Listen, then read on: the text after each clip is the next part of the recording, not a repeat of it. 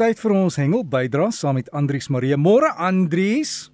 Môre Dirk, môre aan al die luisteraars, gaan dit goed daar by jou kan Dirk? Baie goed, weet jy, ek wil net gou 'n vraag vir jou vra. Ek het verneem, ek sien daar's nou 'n paar berigte, jy weet dat die die sinkers wat die weet die die loodsinkers wat die mense so oor die jare gebruik het wat nou afgebreek het in die water bly. Hulle sê daai lood kom later in die in die vis in en dit besoedel ons ons waters. Is dit waar of is dit daarmee so ergie? Dirk, nee, ongelukkig is dit ehm um, waar dat die lote besoedeling veroorsaak. So ons vanaf die georganiseerde hengel is al so 'n bietjie meer as 'n jaar besig met 'n projek saam met die departement van uh, vissery en bosbou en omgewingsake om die aangeleentheid te bespreek. En dit affekteer uh, meestal die voëls en uh, die krokodille.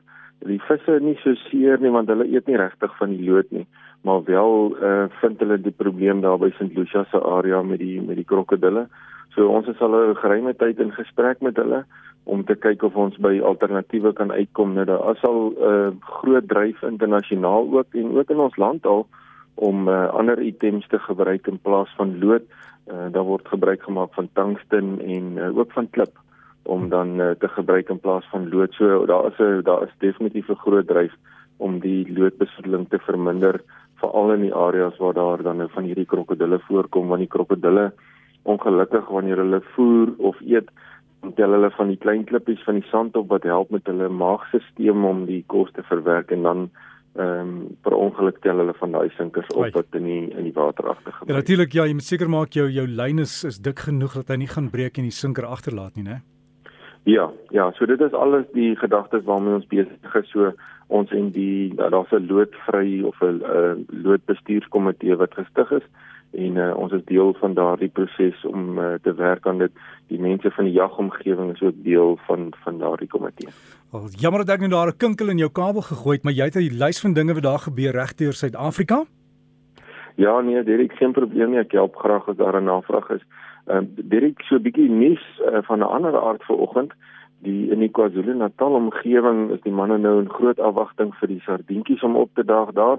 Nou die KwaZulu-Natal se Haie Raad of die Shark Board, hulle uh, hou gereeld vlugte so omtrent eenmal 'n week om te gaan kyk of die sardientjies al uh, op pad is na die KwaZulu-Natal se kus toe. Nou soos wat julle weet, saam met hierdie um, skole um, sardientjies beweeg daar baie roofvisse en uh, dit is nou visse soos haie en bottelneusnol, dolfyne en gewone dolfyne en ook sekere van die walvisse en uh, die uh, haie raad wil natuurlik voorberei wees vir wanneer daardie skole opdaag om die mense te beskerm by die strande.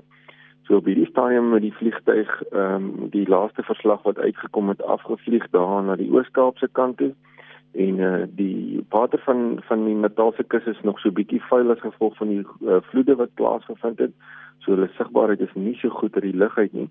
Maar so van Masikawa se area af daar in die Oos-Kaap kon hulle begin om van die skole sardientjies te sien en die water bietjie skoner.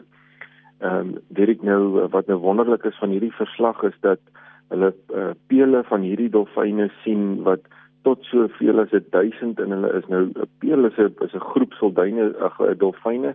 Dan hoor dit is die versamelnaam soos wat ek nou maar so van die slim mense al verstaan het. Ehm um, en hierdie groot groepe dolfyne beweeg dan nou saam met die groot groot groot skole van sardientjies.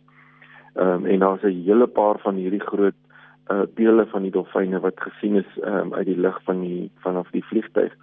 Nou in omgewing naby Port St Johns, dis nou daar by Poenskop en Black Sands, ehm um, is daar van hierdie pele wat so 500 na 1000 dolfyne in het en uh hulle so 2 km van die strand af in die see in, uh wat beteken dat die sierdentjies nou nog 'n hele entjie van die kus af is voordat hulle sal ehm um, kontak maak met die ouens om weet te kan net en so aan. Daar is nou areas waar hulle wel so 'n kilometer van die strand af is, maar hulle is nog nie teen die strand om om by hulle te kan uitkom nie.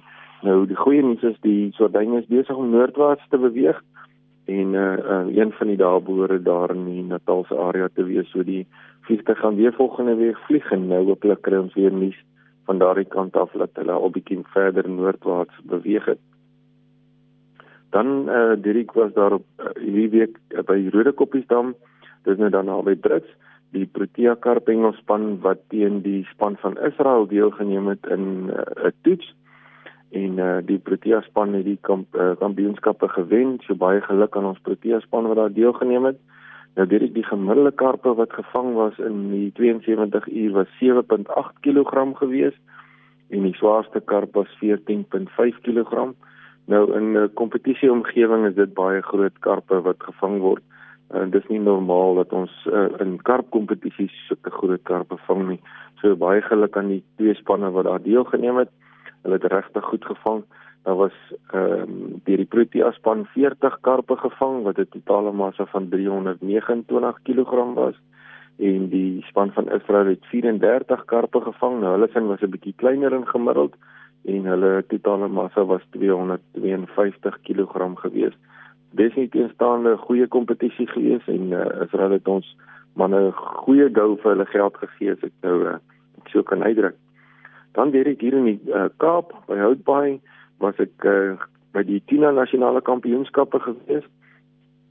En uh, die bote het nou vir die week deelgeneem en ongelukkig het die weer nie so lekker saam gespeel nie. So hulle kon net vir 3 dae uit die 5 dae uit uitgaan op die see. En uh, die hengelaars het uh, tydens die week uh, langvin, blouvin en geelvin tinas gevang en uh, die kwaliteit van die vis was baie goed geweest. Ehm um, die vangste was uh, heelwat goed. Die bote kon partymal hulle kwotas vol gemaak het en uh, ek wil graag aan die span van WP baie geluk sê met hulle wen. Dit was hulle tuiswater, maar definitief staan het hulle baie goed gewen. Hulle voorsprong was so 500 punte geweest en uh, hulle het oor die 3 dae regtig baie goed gedoen. Nou ja, die ehm um, lynklas vir hierdie kampioenskappe direk is net 10 kg. Nou dit beteken dat ehm um, hulle sekere gedeelte van daardie lyn op hulle katolle mag nie dikker wees as uh, 10 kg se breekrag nie.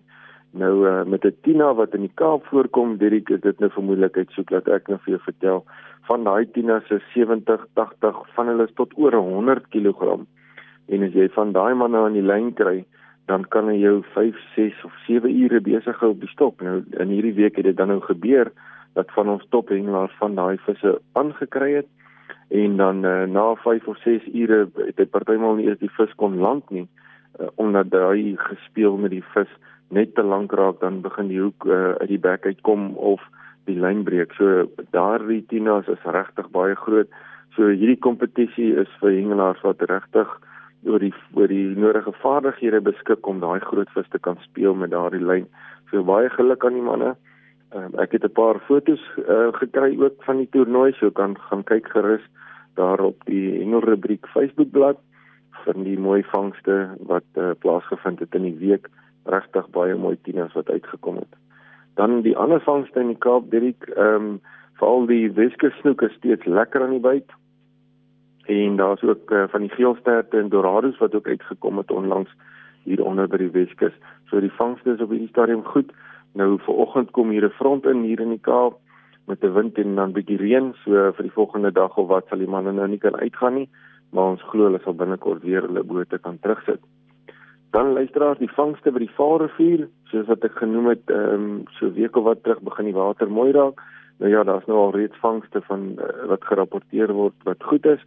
Dat uh, mooi babers uitgekom uh, en daar's ook van die groter kleinbekke en grootbekke wat al gevang word. So die rivier is nou lekker hengelbaar vir die manne wat bereid is om daai koue water aan te vat. Daar's regtig mooi vis wat nou aan die buite is by die Vaalrivier.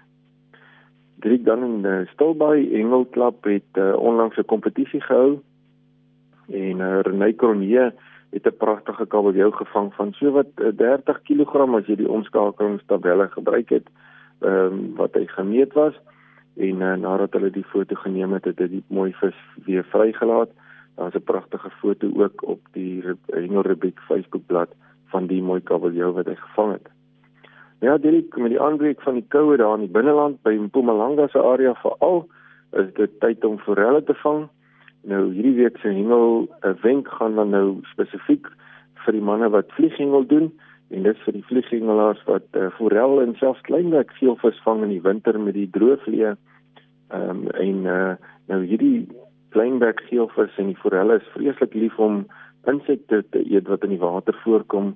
Um, en van hulle is nou mayflies of terwyl in Afrikaans is eendagsvlieg en dan is daar ook caddisse en uh, hulle is net hulle naam is natuurlik watermotte en hierdie insekte lewe in die uh, vure en damme onder die klippe en dan in sy lewensiklus begin hy dan nou in die water opbeweeg en die waterkolom swem hy dan nou op totdat hy deur die waterfilm kan kom en sy vlekkies droog word en dan kan hy opstyg en wegvlieg.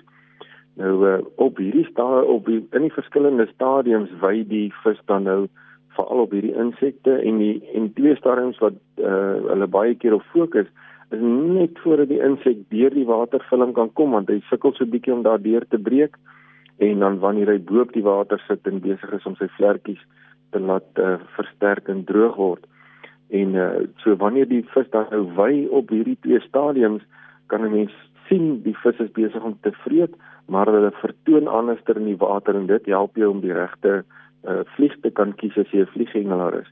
So wanneer jy sien dat die forel of die geelvis vreet en jy kan sy bek sien wat so bo kan die water uitkom en hy slurp so bietjie, dan weet jy hy's besig om die insekte te eet wat bo op die water voorkom. Uh, en dan gaan jy vliegie aansit wat heeltemal dryf op die water. Maar ander kere dan gaan jy net sy rug vind sien of net so 'n rolbeweging van hom sien dan is dit gewoonlik wanneer hulle insekte eet wat net nog onder die wateroppervlakte is, onder daai waterfilmlaagie is, uh, waar hy sukkel om deur te breek en dan gaan jy 'n vliegie aansit wat onder die waterfilm sit, maar hy gaan nie heeltemal sink bodem toe nie. So daar's 'n belangrike tegniek om daai vis te kan vang want hulle vreet en as jy nie jou regte vliegkeuse maak nie, dit dan gaan jy sukkel om hulle te vang. Jy gaan kyk maar jy gaan net TV kyk, daar gaan niks aan die lyn kom nie. So ek hoop hierdie advies gaan die, die vlieghengelaar so bietjie help volgende keer as jy uitgaan om uh, geelvis of die forelle te gaan teiken.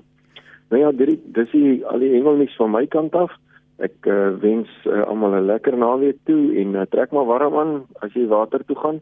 Dis koel langs die water op hierdie stadium. Ons so gesels ons dan met Andrius Marie, dis ons hengel bydra. Maar die Facebook bladsy is hengel rubriek. Hy het daar foto's geplaas en jy kan daarvan af ook direk met Andrius kontak maak. So gaan kyk by Facebook hengel rubriek. Een woord. Sluit aan by die groep en kry al die hengelnuus. En ja, bly maar warm want daai koue front lyk my dis saam met ons.